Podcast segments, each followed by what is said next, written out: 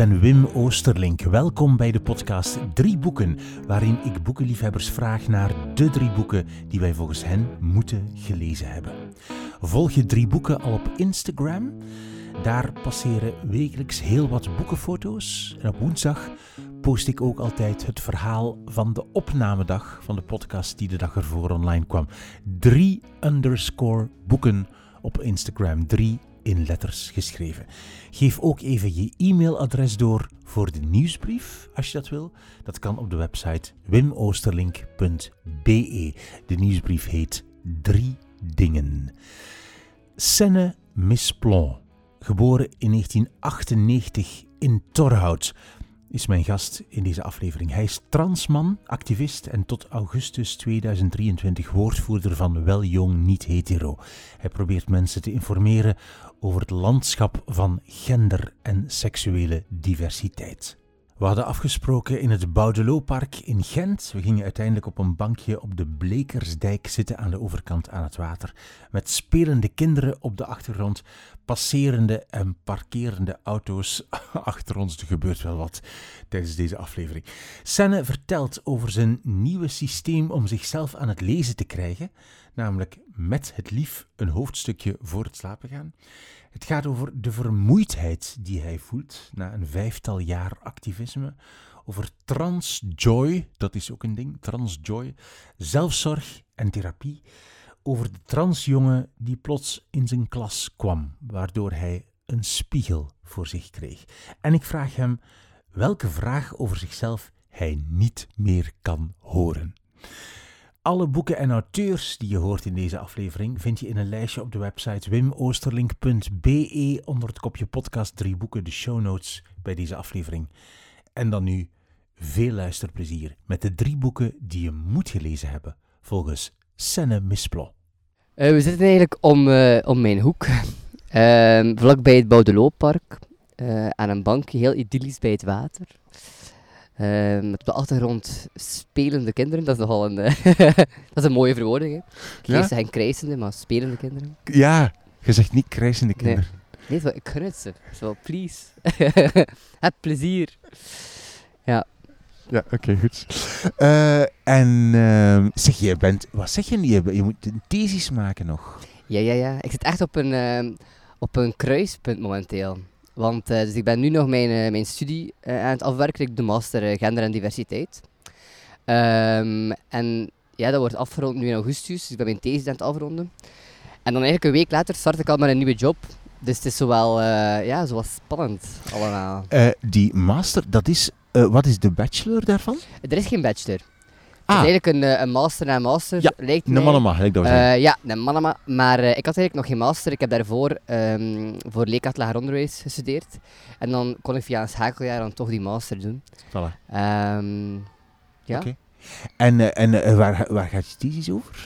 Wel, mijn thesis gaat over um, de zorgervaring van transmasculine mensen. Dus dat zijn trans mannen en non-binaire mensen. en hun zorgverleners binnen de zwangerschapszorg binnen de zwangerschapszorg. Ja, dat gaat dus eigenlijk over dus zwangere mannen en uh, non-binaire mensen. Ja, en, en, ook hun zorgverleners. En hoe dus de, de verzorging, of als het ware de begeleiding verloopt, of dat goed, slecht verloopt, wat dat beter kan. Ja, vooral zo die ervaring, hè, want er, is, er lijkt mij niet zo uh, vrouwelijk uh, gefocust dan de zwangerschapszorg. Hè. Dus natuurlijk, als je dan als man um, of als non-binaire persoon daarin navigeert, is dat nogal ja, soms spannend.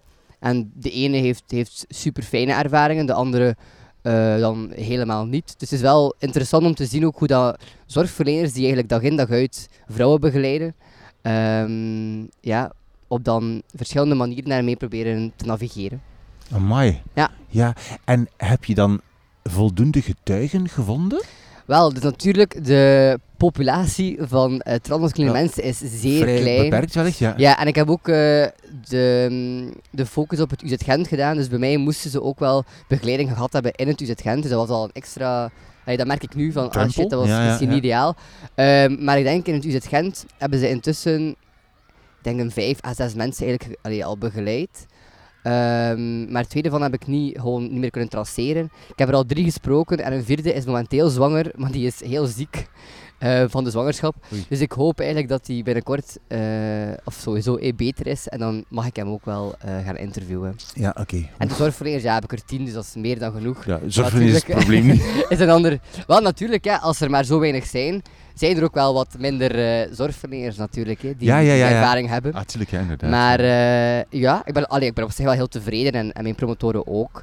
Ehm, dus we gaan het waarschijnlijk ook wel proberen, ehm, proberen te, public- te publiceren. Hè. Ah, voilà, kijk. Een Intussen passeert het bootje en dus mensen worden gegidst, gegidst langs ons. Het ziet er een teambuilding uit of zo. Ja, dat is het. Zo'n uitje met de collega's. Want het zijn allemaal vol... Ja, ja, het zijn allemaal volwassenen. Ja, ja, dat is het. Toch? Inderdaad. Verdorie, nu zouden we moeten vragen van... Welk bedrijf zijn jullie? Hallo. Zeg, en je zegt na jouw thesis, na jouw studie, een nieuwe job. Wat is een nieuwe job? Ja, ik start als ehm, jeugdwerkondersteuner eh, bij de Ambrassade. Ambrassade. De Ambrassade, ja, Ja, Dat is een, ehm, ja, eigenlijk een, een koepelorganisatie die ehm, van alles doet rond eh, jongerenzaken. Ze noemen zichzelf het bureau van jongerenzaken. Dus ze hebben onder andere ehm, dat ze alle jeugdwerkorganisaties in Vlaanderen en Brussel gaan eh, ondersteunen. Dus wat dat ik dan vooral ga doen. Eh, ook Wat Wat, ik weet niet of je dat kent. Dat is eigenlijk onder andere een website, maar die, die doen heel veel rond eh, jeugdinformatie. Eigenlijk informatie of, of nieuws eh, gaan vertalen naar jongerentaal. Allee, of begrijpbare taal vooral. Mhm. Ehm, ook de Vlaamse Jeugdraad eh, doen zij. Dus allee, enorm, enorm veel dingen. Ook nu rond de verkiezingen. Dus ze zijn echt een topteam waar ik heel dankbaar voor ben om eigenlijk eh, bij hen ja, te mogen eh, vervoegen. Ja, dat wordt jouw job dus echt, hè? Dat wordt ja. mijn job. Ja, oké. Ja. Super. Proficiat met je nieuwe Dank u job. wel. Ik heb het sinds eh, vorige week. Dus, Oh ja, ik zag het op Instagram. ja, het is al spannend, hè. Ja, absoluut. Ja, ja, echt hè. Nieuwe job is toch echt spannend. Zeg, ehm, we zijn hier om over boeken te praten. Ja. Lees je graag? Lees je veel? Wat is, hoe is jouw lezen? Dat is hoe mijn lezen. Wel, eh, ik heb eigenlijk een bijzondere relatie denk ik met lezen. Eh, ik ben zo de typische, ik koop boeken, maar ik lees ze eigenlijk niet. Allee, of, ja, of ik, ik ben een, zoals ik denk ik zei, een aspirant lezer of zo. Of een, ik, ik wil heel graag heel veel lezen, amai. Maar eh, dan begin ik vaak aan een boek en dan vergeet ik soms ook het bestaan van het boek. En dan, x aantal maanden denk ik, ah, dat is juist. Ik was daarmee bezig. Ehm, ja, dus ik lees heel graag, Ja, ja, ja. maar de vraag is ook gewoon wanneer. Maar ik ben nu, sinds deze week, ik ben ook zo iemand die graag dan, ah, ik ga mijn leven beteren.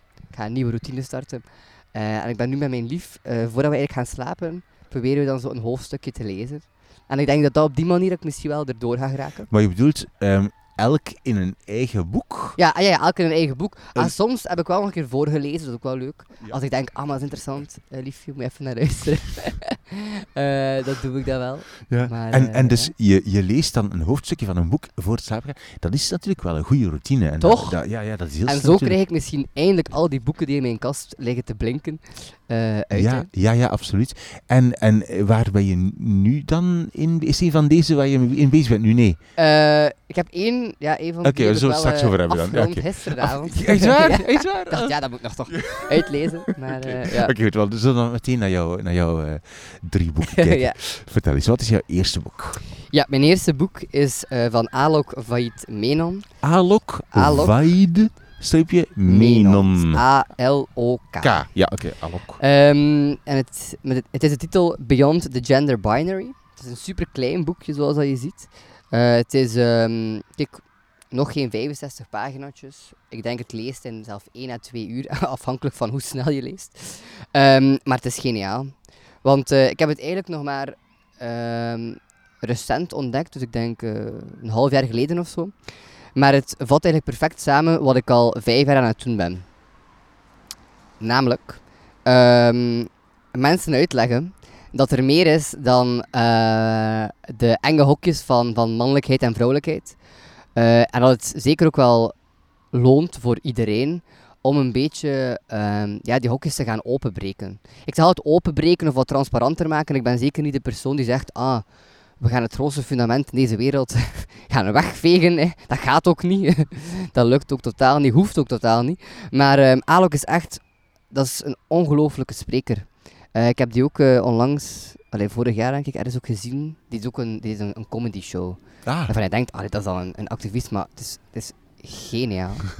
Ehm, Je doet een comedy show. ja, dat was een comedy show. Ja, dan was ik, ja, natuurlijk. In die comedy show is ook wel een beetje meer gecaterd naar dan ook uh, allee, trans en mensen. Dus natuurlijk is ook altijd een stukje activisme, I guess. Maar het is niet, het is niet dat dit om te lachen is, dit boekje. Nee, het is, het is niet per se eh, allee, super humoristisch of zo, maar Alok heeft natuurlijk een bepaalde stijl. Namelijk, eh, die pakt alles aan, maar zo... Kill them with zo, eh, kindness. Kill them with kindness. Ja. En, want, want echt, de, de shit en de haat dat Alok Nee, op dat wel- media krijgt, is insane. Oei. Ehm, maar die, en die, die post ook al geregeld, op, ehm, op hun Instagram, eh, van hoe dat hij daarop reageert. Hè. Bijvoorbeeld, ik zag nu deze ochtend, eh, was iemand die commented van, eh, ja, iedereen moet zijn, alleen in het Engels, hè, iedereen moet zijn wat hij wil, maar ik vind dit disgusting of zo. Ehm, en dan, de Alok dan ook gewoon, de- bijvoorbeeld daarop reageerde van zo, oei, ben je verdwaald, Ehm, ik, ik heb je toch niet gevraagd, allee, of ik heb geen nood aan, aan, aan goedkeuring of zo. Dus als, zo die, die, die gaat zo veel minder in de aanval, maar altijd gewoon op een heel rustige, eh, soms verbindende eh, of humoristische manier. Dat is ook wel een beetje mijn stijl. Maar ik dacht zo, amai, waarom heb ik dit niet vijf jaar geleden ontdekt? Omdat, eh, zeker op het, de helft van het boekje, zijn eigenlijk Alox antwoorden op zo'n typische argumentatie waarom dat we niet voorbij de genderbinariteit kunnen. Dus waarom dat we niet voorbij die eh, enge hokjes van man of vrouw, of, of dat denken alvast kunnen. Ehm, en het is gewoon iedere keer zo spot on, heel kort en krachtig, dat ik denk, ah, En geef eens een voorbeeld daarvan. Van, van, wel, van iets, dat, iets dat je... geef eens een voorbeeld van iets dat je denkt van... Ah ja, dat is nu toch dat legt simpel goed uit. dat, Mm. dat, dat, ga ik, dat, vind ik ook, eh, dat vind ik ook goed. Dat vind ik goed uitgelegd. Dat, ga ik, dat gebruik ik ook graag of zoiets. Ja, bijvoorbeeld, allee, wat ik nu heel hard merk, zeker in allee, in huidige zelf politieke context, is dat mensen zoiets hebben van, maar, ah, stop een keer met het toch altijd te hebben over dat gender, gender, gender. hé. Eh, je, je het, is, het is een hype of, of we moeten daar toch ook altijd op focussen. En bijvoorbeeld Alok zegt nu van zo, ja, dat is wel een beetje ironisch, omdat heel onze samenleving daarop gebouwd is. Allee, denk maar eens aan het feit, ja, er wordt een kind geboren. Eh, Oké, we gaan direct daar een man of vrouw, de M of de V op plakken. Eh, zelfs wanneer een kind eh, geslachtskenmerken vertoont, hè, van dus zowel vrouwelijke als mannelijke, dus intersexe baby's. Zelfs dan nog gaan we toch maar duwen in die M of die V. Ehm, nee, als je dan opgroeit, dan zijn er duidelijker verwachtingen over, over jongens of meisjes. Denk maar aan die fantastische, eh tussen haakjes, ehm, gender reveals. Hè, dat we zelfs op voorhand al met, met roze of blauw gaan beginnen eh, letterlijk het milieu kapot maken. hè, in naam van gender. Ehm, allee, er zijn onnoemelijk veel zaken waarin, waarin dat mannen en vrouwen, ofwel gender, super belangrijk zijn. Of, of ogenschijnlijk belangrijk zijn. Er zijn zelfs andere prijzen voor mannen en vrouwen bij de kapper.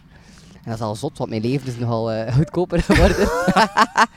sinds, Ah ja, eh, is dat- sinds die transitie.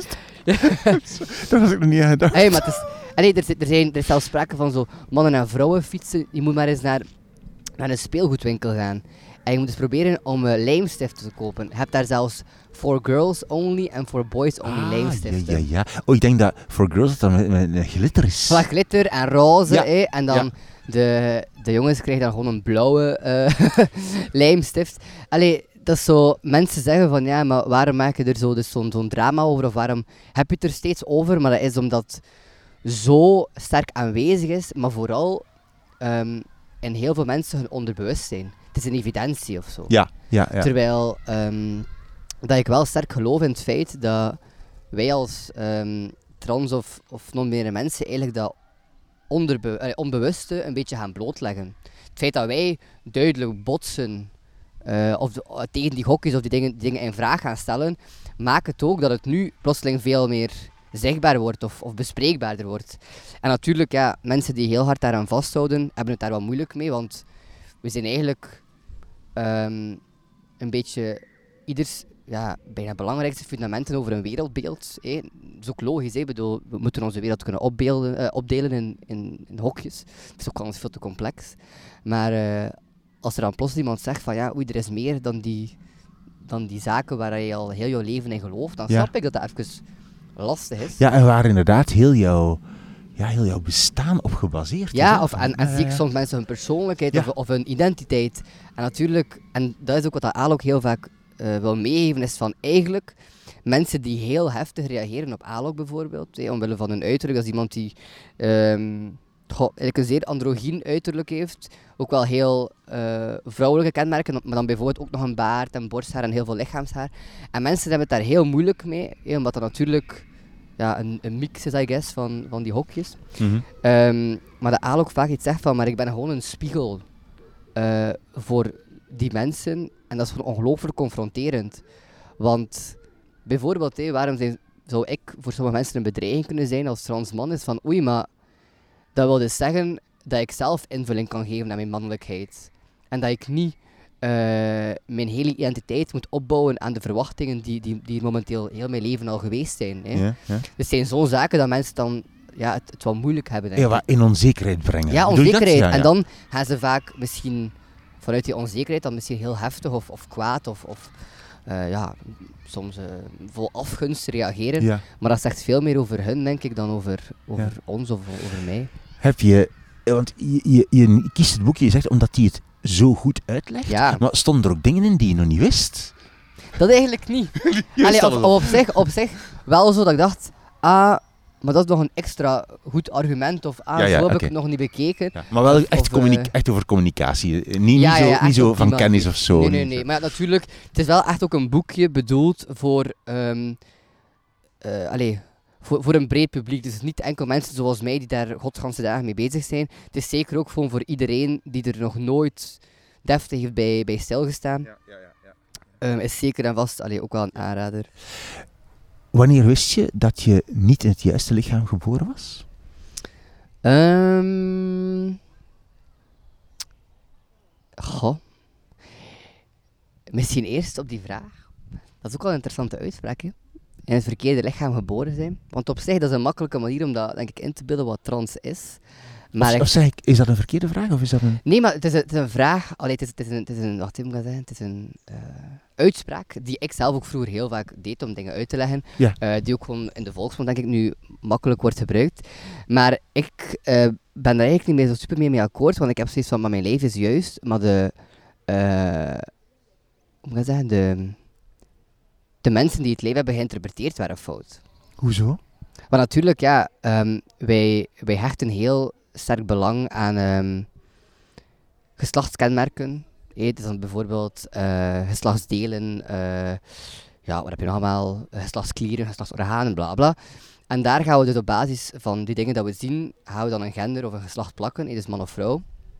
Ehm, en op zich heb ik nu als mens, als man, ook niet per se ehm, het lijf van, van hoe, hoe eh, iedereen allee, zich een man misschien eh, durft in te denken. Mhm. Maar dat maakt van mijn lijf geen verkeerd lijf of zo. Snap je? Dus ik heb zoiets van, ik zit in het juiste lijf, maar gewoon het woord dat we erop geplakt hebben, of, of de, de idee dat we erop geplakt hebben, eh, was misschien wel fout. Maar dat is misschien al opnieuw eh, een stapje verder. Maar ehm, Maar je hebt je, je vierde Ja? onlangs de, je, je, je borst borstoperatie, ja. vijf jaar. Dus dat is dan Mm, toch ergens een teken daarvan, of niet? Ja, ja, wel natuurlijk. Het is natuurlijk wel een, eh, zeker een, een gegeven of zo dat er sommige zaken aan mijn lichaam waren. eh, bijvoorbeeld, ik heb ook een testosteronbehandeling. eh allee, ben ik nog altijd mee bezig. Ehm, dat ik wat ik heb aangepast. Maar dat is eerder in functie van gender-euforie krijgen. Of zo, van wat maakt mij gelukkig? Wat kan ik veranderen aan mijn lichaam die mij extra gelukkig maken dan, ah, dat is hier nu falikant verkeerd of zo aan mijn lichaam. Want ik denk dat het ook wel een beetje een manier is van gewoon kijken naar de dingen. Begrijp ik. Ehm, maar eh, ja, ik denk als, als, als je daar in, je dat, retrospect naar kijkt, was het al super lang dat ik soms speciale uitspraken deed als kind of zo. Dat ik, ik heb ook een tweelingsbroer. En eh, ik zei vroeger tegen mijn mama van ja, allee, als, als lagere schoolkind denk ik, van er is iets gebeurd in de baarmoeder en we zijn gewoon omgewisseld. Mijn broer die moest een meisje zijn en ik moest een jongen zijn. Dat was zo, ik heb er heel lang zo'n uitspraken gedaan, maar dan in het middelbaar, ik was ook altijd gewoon al een jongensachtig meisje of zo. Maar in het middelbaar, ja, iedereen wil denk ik eh, niet anders zijn. Dus daar heb ik mij gewoon maar een beetje aangepast aan de andere meisjes en heb ik mij wat anders gekleed en, en gedragen.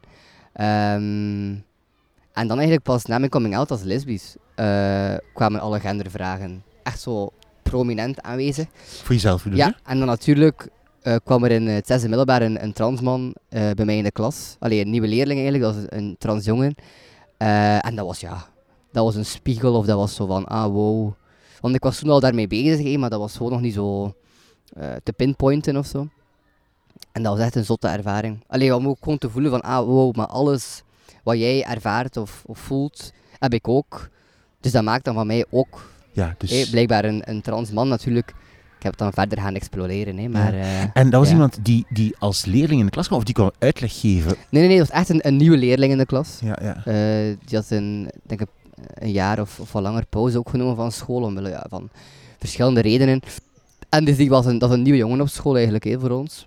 Ehm, ja, dat was En toen zag, voelde je van, "Oh, ja, dit is, dit, Ja, ik, dit ik, is allee, we werden ja. heel snel echt zo hele goede vrienden en dan, dan ja, merkte ik gewoon van, fuck, dat is het waarschijnlijk. En dat is natuurlijk wel heel eng of zo, hè, want ik denk in, de- in deze maatschappij dat niemand een gat in de lucht springt als die, eh, als die denk ik ontdekt dat die trans is. Ook omdat er gewoon potentiële negatieve gevolgen kunnen zijn hè, voor eh, je omgeving of... allee, dan bedoel ik dat je mensen kwijtspeelt of, of eh, dat het leven gewoon algemeen wat, wat meer uitdagingen allee, kan hebben of zo.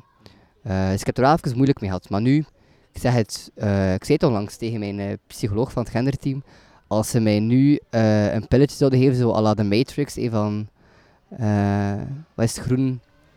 Blijf pill, ja, ja, ja, voilà, blue blue, ja, ik heb nooit de film gezien, maar Ja, ja. is blijkbaar ook een trans-analogie, maar dat is echt.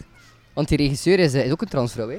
Eh, maar zat, oké. Ah, Oké, ja, wist ik niet. Eh, ja, beetje van de dag. Ehm, maar ehm, die, die blauw, allee, voor hetzelfde blauwpil is, is, ja, je blijft zoals je bent. En rode is van, je wordt nu een cisgender eh, man of zo. Ja, ja. Nooit van mijn leven pak je die, pak je die rode pil. Ik blijf. Allee, ik ben echt gelukkig als, als transpersoon. En, en ook zelfs trots op dat stukje van, van mijn identiteit. Dus dat is wel eh, een fijne evolutie. Ja, ja, oké, super. Ja. Eh, waren er boeken in huis als kind? Ehm, ja, maar vooral dankzij, eh, dankzij mijn tante ook. Oké. Ik had zo'n tante, en dat is eigenlijk zo, ik noem dat een beetje de, onze cultuurtante, die nam ons overal mee naar zo'n musea. En ieder, eh, iedere feestdag, iedere verjaardag kregen wij echt boeken. En als kind vond ik dat niet altijd super fijn, omdat ik soms dacht van, ah, maar wat ben ik nu met dat boek of zo? Allee, soms is het natuurlijk wel een, meer een boek op, op, eh, op mijn maat of zo, maar andere boeken kreeg ik soms dat ik dacht, oh, wat ben ik hier nu mee? Eh, dat ik misschien op latere leeftijd dan heb vastgenomen, maar ehm, ja, dat was echt wel fijn. En ook mijn ouders hebben ook wel altijd zo ons voorgelezen. Ja. Eh, uit zo'n Pinkeltje. Pinkeltje. Ja, Pinkeltje. Dat is, zo, en dat is een super lange boekenreeks. Over, ik denk dat dat een kabouter was of zo. Oké. Ehm, maar dat was wel leuk om gewoon zo een. En ik vind het wel echt heel fijn als ouders kunnen voorlezen, omdat het toch wel een beetje een. Naast het liefde voor het lezen kunnen meegeven, ook wel echt een bonding momentje is of zo. Hè. Of een beetje tot rust komen zo. Ja.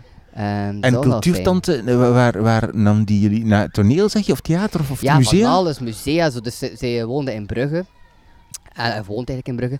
En eh, dan nam ze ons mee naar iedere musea volgens mij in Brugge dat er was. Ehm, of inderdaad zo'n keer eh, theater eh, voorstellen. Of met mijn ouders ging ik ook wel af en toe een keer naar een musical.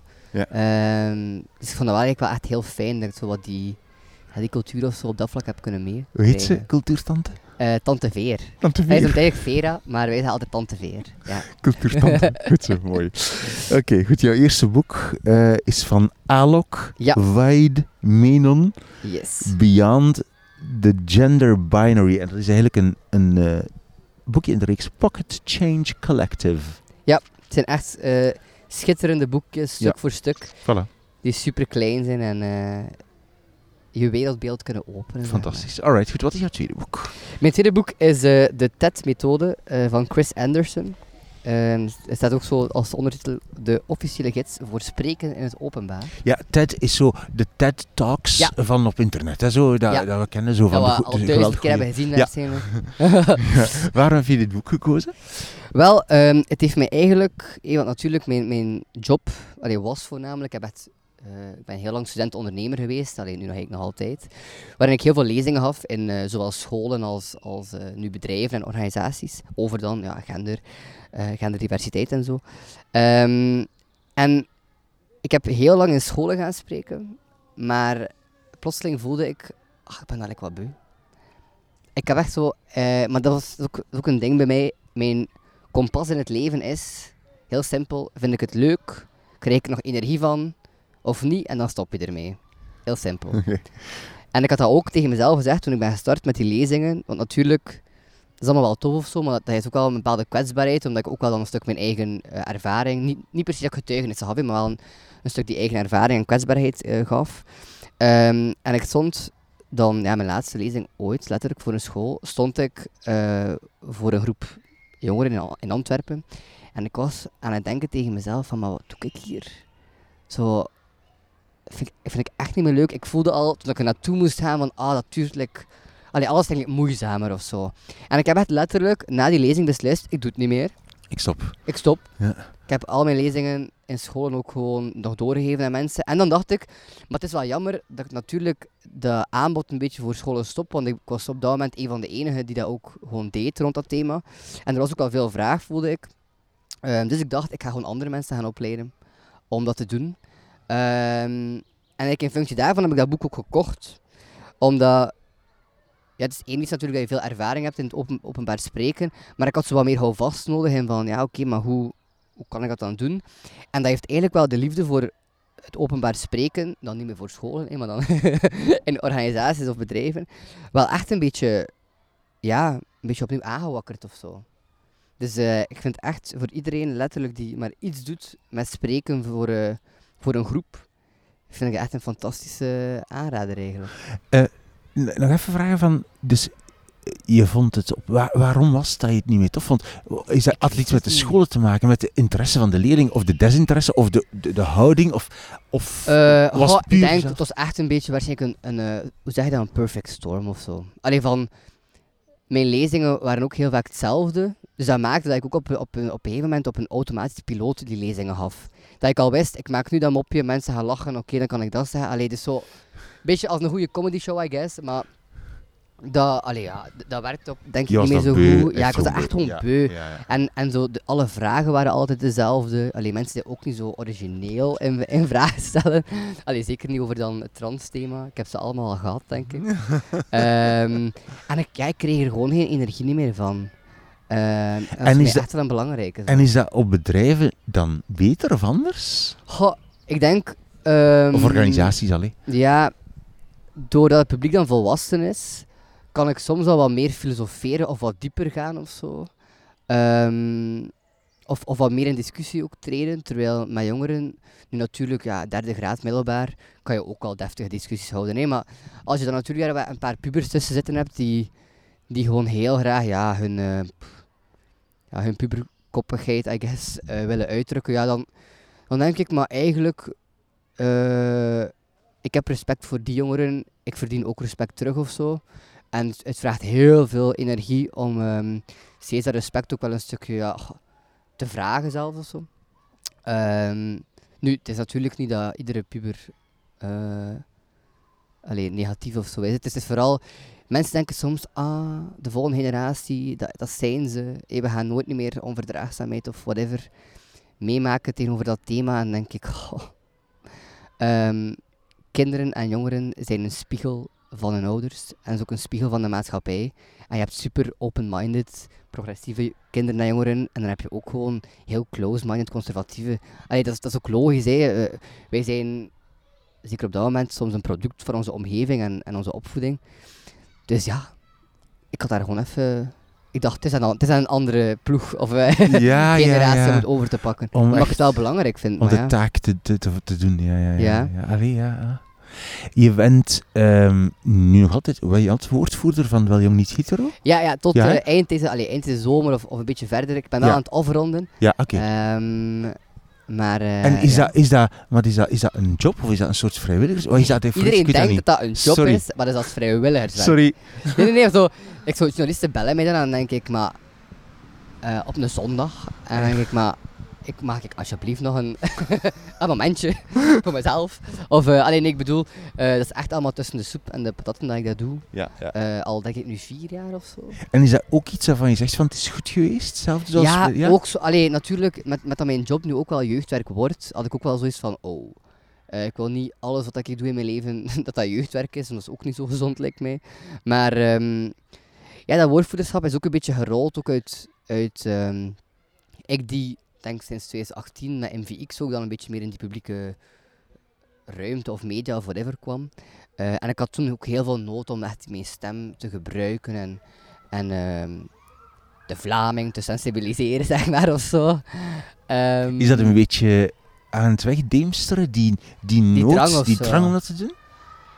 goh, ja. Maar dat is niet, dat- ik vind dat niet negatief, hè. ik vind dat nee, nee, zeer ik vind dat ook, begrijpelijk. ja, ja, zo. Ja, ja. Ik denk zo, eh, maar ik heb dat eigenlijk met heel veel mensen die, die een beetje hetzelfde doen met, als mij, in mijn vriendengroep. Zo, onze energie raakt ook op of zo. Hè. Ehm, nu, er is wel echt al ontzettend veel gebeurd, vind ik, in, in de maatschappij en in, in medialand. Eh, sinds 2018 wat betreft het trans-thema. Maar eh, ik merk, ik ga gewoon niet meer te veel in op, op zaken waarvan ik denk, "Oh, maar we hebben dit echt al tien keer uitgelegd. Ik heb er ook geen ener- energie meer voor. Of je betaalt mij.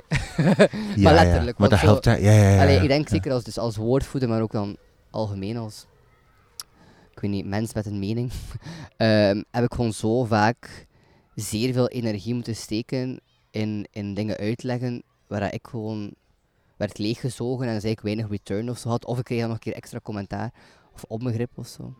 Dus ehm, ja, inderdaad. Ik denk dat ik, dat ik echt gewoon even wil mijn, eh, ik ben zo in mijn grandpa core era.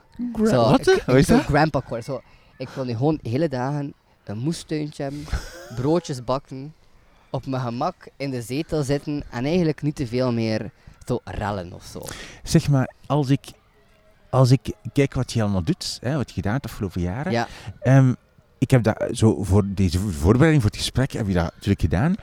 Eh, ik had wel die vraag, namelijk van, word je daar niet, verschrikkelijk moe van? Maar Eh, ook ja. met volle positiviteit en met volle respect voor het activisme Ja, ja, ja, en voor, mhm. met bewondering voor ongelooflijke bewondering.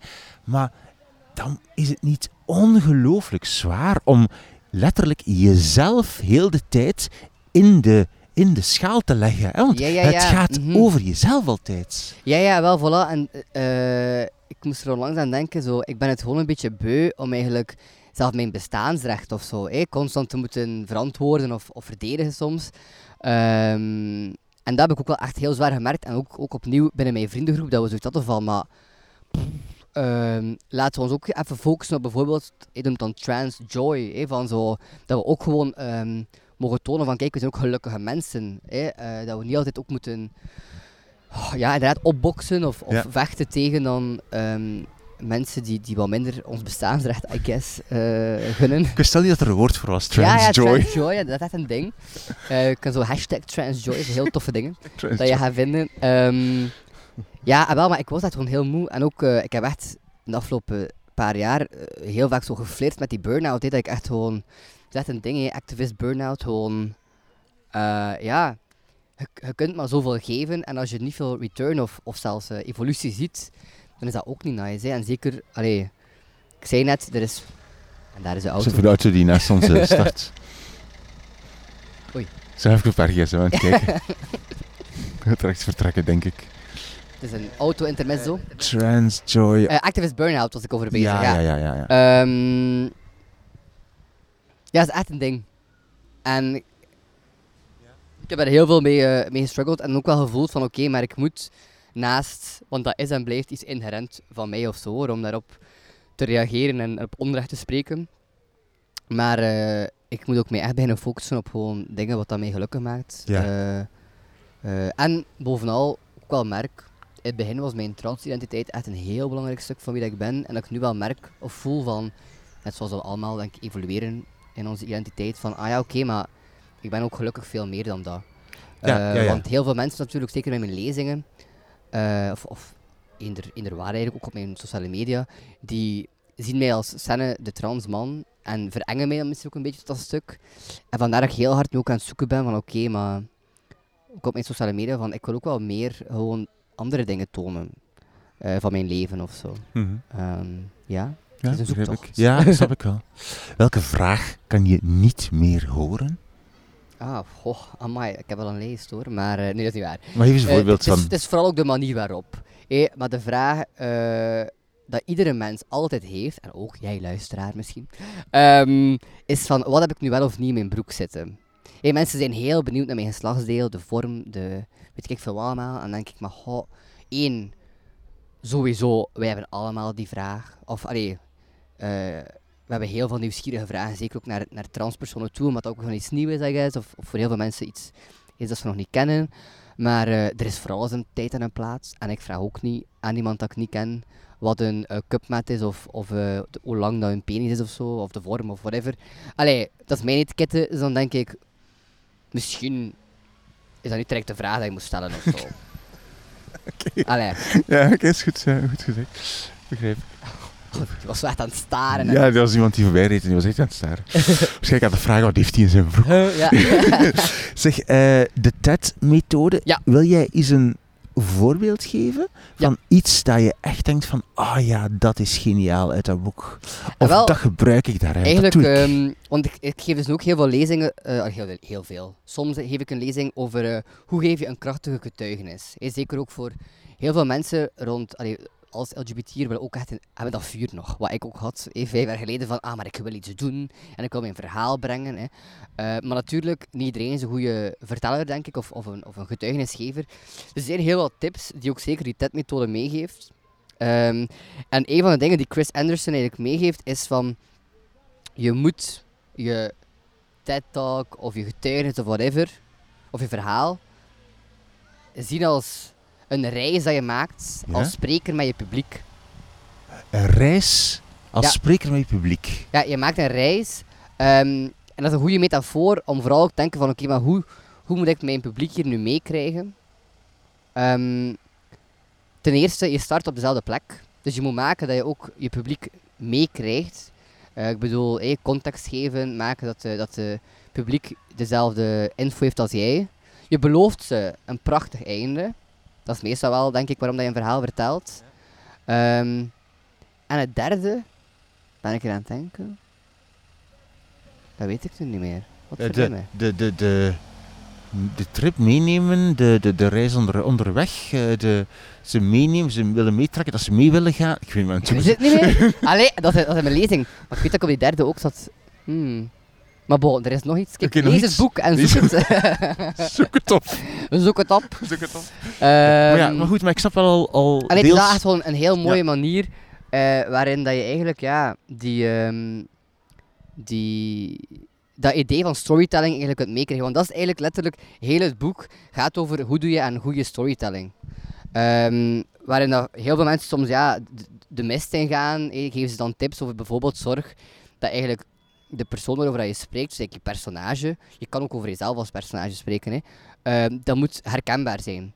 Als iets niet relatable is, dan ga je op publiek direct afhaken. Eh, bijvoorbeeld, je zorgt dat je niet te veel details gebruikt, maar wel genoeg. Eh, het zijn zo, dat zijn soms heel logische dingen als je dat, als je dat leest, maar het wordt plotseling veel helderder en je kan ook vooral, eh, zeker iedereen die, die bezig is met verhalen, ehm, het geeft een hele mooie houvast of zo, dat boek. Het is ook niet dat ik hyper nieuwe dingen heb gelezen of zo. Hè. Ik bedoel, het is nogthans ja, toch wel een levend boek van, amai, 310 pagina's. Ehm, maar Chris Anderson kan dat ook gewoon op zo'n goede manier allemaal meegeven. Eh, ja, dat ik echt gewoon een dik, dikke fan ben van dat boek. Ja. Dat is goed. Eh, je zei helemaal in het begin dat je boeken vaak begint te lezen en dan daarna het bestaan van het boek niet meer weet. ik vraag soms aan mijn ehm, gasten van, lees je boeken soms niet uit, maar jij dus wel, maar mis je dan niet soms als je daarvoor hebt? Ah, belangrijke info. Nee, nee, ja, of even zoiets van, je begint toch een boek te lezen omdat je erin geïnteresseerd bent, of omdat je, dat het je aantrekt op een of andere manier. Dat is waar. Maar ik denk dat dat bij mij dan... Ik denk wel, dit boek heb ik al redelijk allee, van, hoe zeg je dat, van kaft naar kaft eh, gelezen. Eh, ook wel omdat de deadline voor mijn workshop waarschijnlijk een paar dagen later was. Eh, Dat helpt. dat helpt. Eh, nee, maar ik denk... ehm, ja... Ik denk, dat, maar dat gaat, dat gaat gradueel dat vergeten. Dat ze van, ah ja, maar vanavond heb ik geen tijd om daarin te lezen. En dan, ah, maar vanavond ook niet. Of, ah, ik ben moe. En dan zo een week later ja, denk je, ja, maar ja, ik ook er niet meer aan beginnen. Nee, want ik weet toch al niet meer wat dat was. Eh, want heel vaak als ik dan... Ik zei dat je daarnet van dat hoofdstukje per avond. Eh, maar ja, als ik dan de avond ervoor heel, heel moe was, dan weet ik eigenlijk al niks meer van dat hoofdstuk ervoor. Dus dan moet ik dan nog even gaan beginnen herlezen. Dus zo, oh, it's, a, it's a journey. Struggle. Ja, Ja, letterlijk. Dit heb je in het Engels gelezen? Nee, nee, in het Nederlands. Is Nederlands? Nederlands, En ja. dus de ding het vorige was ook in, dat is in het Nee, Engels. was het Engels. Ja. En ja, maar je leest even vlot Engels, of, Engels als Nederlands? ja, eigenlijk wel. Natuurlijk, ik vind wel, eh, ik heb iets meer, alleen minder headspace nodig als ik in het Nederlands lees. Ehm, kijk maar dan voor het, ik ben nu zo even eraan doorbladeren. Ik heb wel zo heel wat dingen nageduid. Ja, je eh, hebt met fluo stift eh, Ja. dingen aangeduid. Maar dat is wel echt omdat dat werk is. Dat was studie, echt dat studeren. was echt al studie inderdaad. ja, ja, oké. ja. Ehm, want anders doe ik dat eigenlijk wel niet direct. Heb mijn stilo ook zo ja, echt zo, aangeduid. ah, dat is kei, dat is iets Ja, ik kei heb mooi, dat belangrijk- moet ik zeker vertellen. Dat is goed. Zeer goed, ja. Ja, ja dat is echt Ah, eigenlijk, als ik dat bekijk, ben ik echt gewoon, heb ik dit echt gelezen. Ja, als dat ik mijn, eh, ja, als ja, echt cursus of, mijn, of mijn wetenschappelijke artikels of zo moet, moet analyseren. En lukt het dan om het door te geven aan anderen? Of, of, eh, Ja, eigenlijk, eh, ik krijg super mooie, mooie commentaar eigenlijk, allee, of, of feedback over mijn, mijn, mijn lezing dan rond die krachtige getuigenis. ja, dus ik denk het wel, hè. ja oké. Nee, supergoed. Ja. Voilà. Jouw tweede boek, De TED-methode van Chris Anderson. Ah, Head of TED. Ah ja, belangrijk, ja. Dus die man was, eh, was de CEO, ik denk Ja. was, nu niet meer, maar was inderdaad de Ja. CEO van TED Dus Talk. hij zal het wel weten dan. Hè? Ik denk dat ook. En ook Head of TED, dat ruimt ook. Hij- en hij vertelt ook heel veel zo voorbeelden van mensen dat hij heeft moeten coachen om een TED-talk te geven, dat dan falikant misliep. maar dan ook vooral waarom, hè. hè, En dan hoe dat die mensen super hard zijn gegroeid. Ah, dat vind ik wel leuk. Ja, interessant. Door zo wat, vandaar is het denk ik zo dik, Eh, van zo wat heel veel eh, cases of zo. Alright, goed. Wat is jouw derde boek? Mijn derde boek is het boek eh, Zelfzorg is het begin van alles van Nina Mouton. Ja. Mhm. Ja, Waarom heb je dit gekozen? Ja, ik heb het letterlijk gisteren uitgelezen. ik moet zeggen, ik vond het heel moeilijk om, om die boeken op zich allemaal te kiezen. Want ja, het zijn zoveel goede boeken. Hè. Maar ehm, dit boek, dacht ik, moet iedere Vlaming gelezen hebben. En Oh. zeker iedere West-Vlaming. Waar, waarom? Eh, omdat wij, zeker West-Vlaanderen, maar eh, dus voor de mensen die het nog niet wisten, ik kom uit het diepe West-Vlaanderen, maar dat hoorde je nog niet. Ehm, hebben wij echt zo een cultuur van, je moet vooral niet te veel voelen en werk maar gewoon hard en dan komt het wel goed of zo. Maar natuurlijk, dan merk je nu, allee, ehm, ik weet niet of je dat ooit nog herinnert, maar we hebben ooit, denk vijf of tien jaar geleden, een hele campagne met Brihang moeten doen. De OS-campagne, weet je. Dat was een campagne om ons te leren spreken over hoe dat we ons voelen. Dat zegt misschien al genoeg over het niveau van de gemiddelde West-Vlaming, denk ik. Ehm, allee, of ja, misschien... Er is ook, allee, als je kijkt naar bijvoorbeeld ja, suïcidecijfers, West-Vlaanderen is echt, is, aan het, is zo de, helaas de winnaar of zo in wat betreft Vlaanderen. Dus er zijn er wel echt heel veel gevolgen eigenlijk aan een mentaliteit waarin dat we, maar Vlamingen denk ik ook algemeen hoor, is van ja, werk maar hard genoeg, niet te veel denken, niet te veel voelen, eh, en zo gaan we, gaan we succesvol zijn in het leven of zo. En wat zien we nu? Superveel burn-outs, superveel mensen met mentale eh, uitdagingen, ja, struggles, ehm, heel veel ja, depressies, noem maar op, angststoornissen. Eh, de wereld is sowieso fucked up, dat is zeker een feit dat er niet aan helpt. Ehm, en het kapitalisme helpt er ook zeker niet aan, aan al die burn-outs. Maar wat dan Nina vooral wil meegeven is, eh, zelfzorg is niet, eh, dat is zo'n famous quote van haar, zelfzorg is niet een, eh, een bruisbal eh, en, een, en een bad, of, eh, of is eh, lekkere massage of zo. Nee, zelfzorg is dat je iedere dag moet doen. En vooral dat je moet gaan kijken van, wat heb ik, en mijn innerlijke kind noemen ze dat dan, eh, nodig.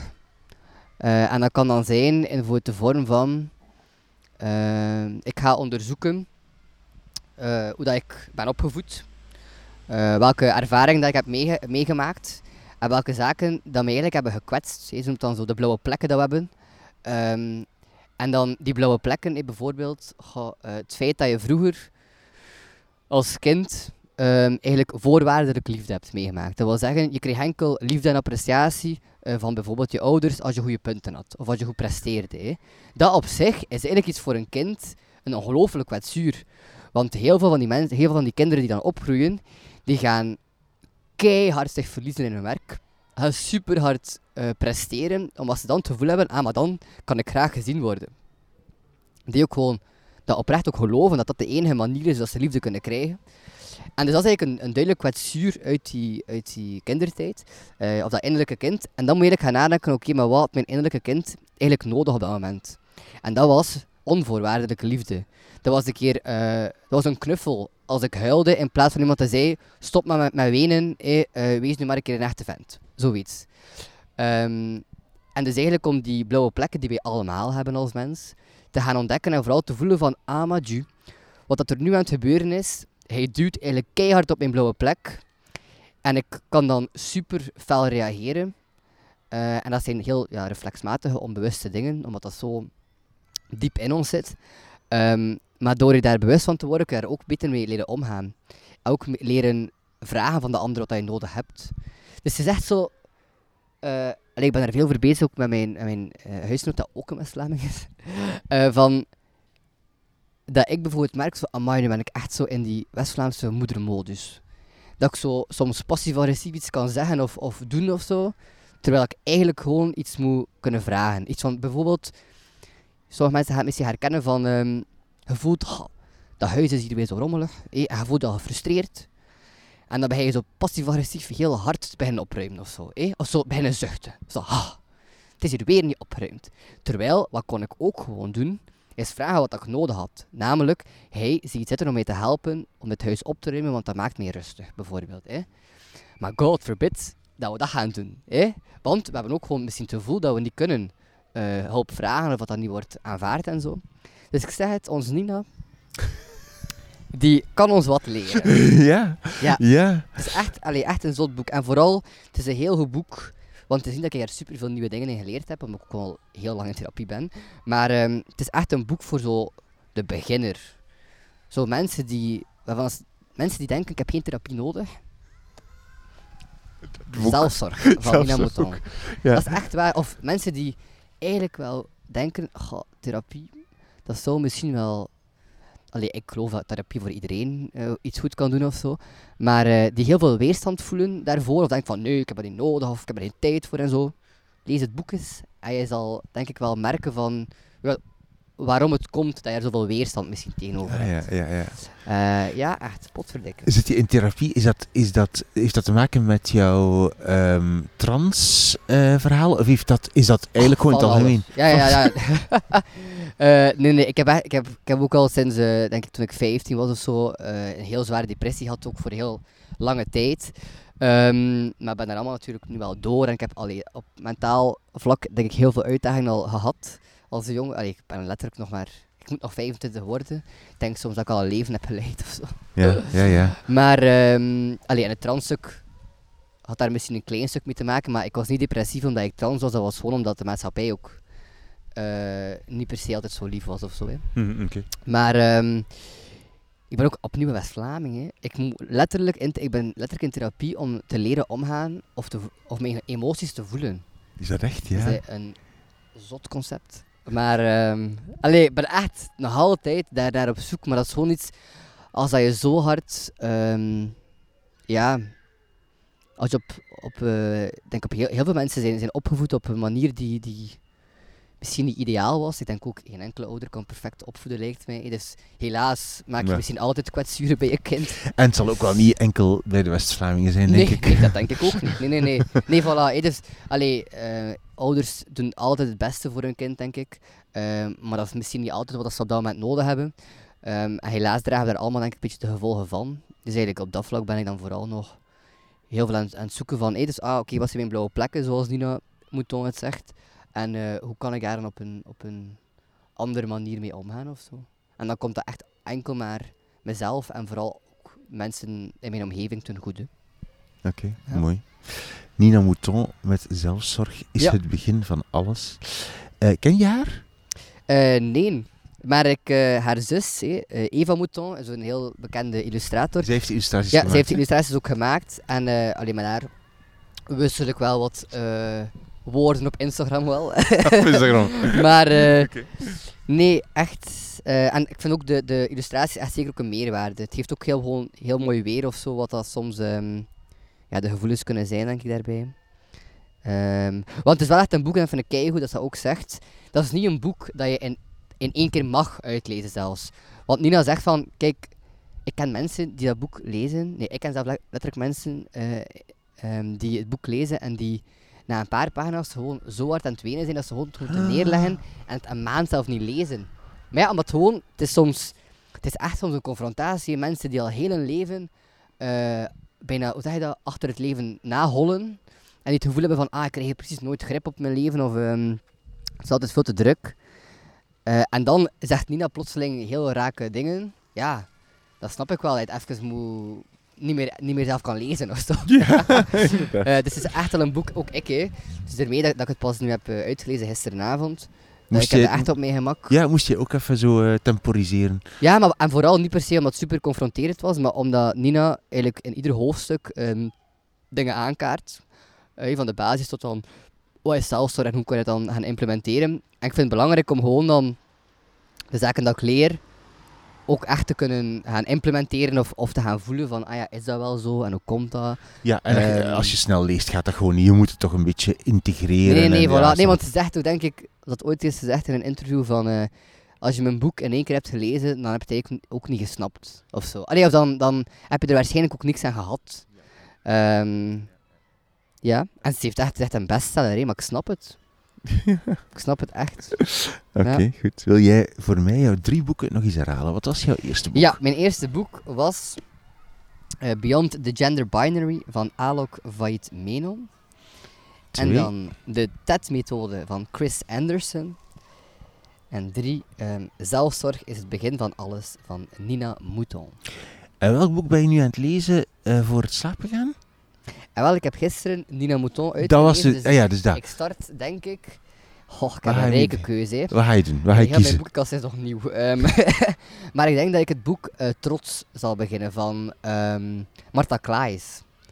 Dat is een... Ik heb dat eh, gezien zie liggen, maar ik weet niet wat dat is. Ja, dus dat is eh, ik een, een, een filosofisch boek. Martha Klaes is een filosofe en ze heeft haar doctoraat gedaan over de emotie trots. En ik heb met Martha een traject gedaan bij de buren. Eh, het, noemt, eh, het noemde Nieuw Geluid. En dat is eigenlijk een, een, een, eh, ja, een ontwikkelings... Nee, een talentontwikkelingstraject eh, van Nederland en, en Vlaanderen. En ja, ik was sowieso al fan van Martha. Maar ik ben heel benieuwd naar naar een nieuw boek. Dus, maar het is, echt, het is echt wel een toegankelijk filosofisch boek. Maar het is gewoon heel interessant, omdat wij als mens, als Vlaming ook, eh, gaan heel vaak aan trots een beetje een negatieve emotie. Of dan zo, ach, wees maar niet te trots. Hè. Ehm, en ze gaan dus gaan onderzoeken van, ja, wanneer is trots iets negatief, wanneer is is het positief. Eh, kan, je, kan trots ook iets slechts zijn of iets goeds? Dus zo, het is heel tof. Ja, ik ben benieuwd. Oké, goed. Ik ook. Dankjewel voor jouw drie boeken. Graag gedaan. En veel succes met, eh, met, eh, met je projecten. Ja, dat is mooi, merci. Zo, dit was mijn gesprek met Senne Misplon, opgenomen aan het water in Gent. Check de show notes van deze aflevering wimoosterlink.be. Onder het kopje podcast drie boeken vind je deze aflevering terug. Je vindt daar trouwens ook alle andere afleveringen van de podcast. Ga zeker even een kijkje nemen. Er zitten zeker mensen tussen die je interessant zal vinden. Drie boeken op Instagram is drie boeken. De nieuwsbrief, daar kan je op abonneren gratis op de site wimoosterling.be. En laat vandaag of morgen aan twee vriendinnen of vrienden weten dat ze ook eens naar deze aflevering moeten luisteren, omdat het iets voor hen is. Twee, daar doe je mij een groot plezier mee. Ik ben Wim Oosterlink. Dit is de podcast Drie Boeken. Dankjewel voor het luisteren en voor het delen. En tot de volgende keer.